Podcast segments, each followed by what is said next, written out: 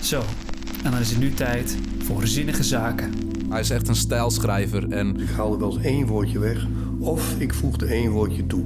De podcast waarin ik met woordkunstenaars in gesprek ga over schrijfstijl, motivatie en inspiratiebronnen. Bij sommige dingen moet je iets langer, moet even meer op je in laten werken. Ik denk daar niet heel erg over na op het moment dat ik het zelf opschrijf.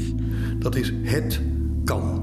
Dat rijmt niet, maar het klopt wel. Nou ja, daaruit kan ik gewoon letterlijk verhalen nemen. Dit doe ik op basis van voordrachten uit eigen werk door de woordkunstenaar. Dat vind ik altijd heel erg lastig. eh, alsof, alsof ik voor mezelf spreek zonder dat ik het soms zelfs doorheb. Er zit ook echt een verhaal in en dat vind ik belangrijk. ik kan er ook wel van genieten.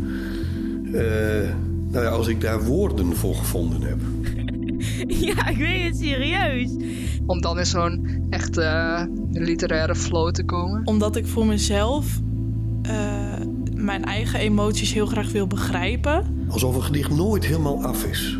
Gewoon begrepen worden en gewoon er mogen zijn als het mens dat ze is. Als iemand achter mijn ogen kon kijken wat ik had gezien, dan hoefde ik misschien niet te schrijven.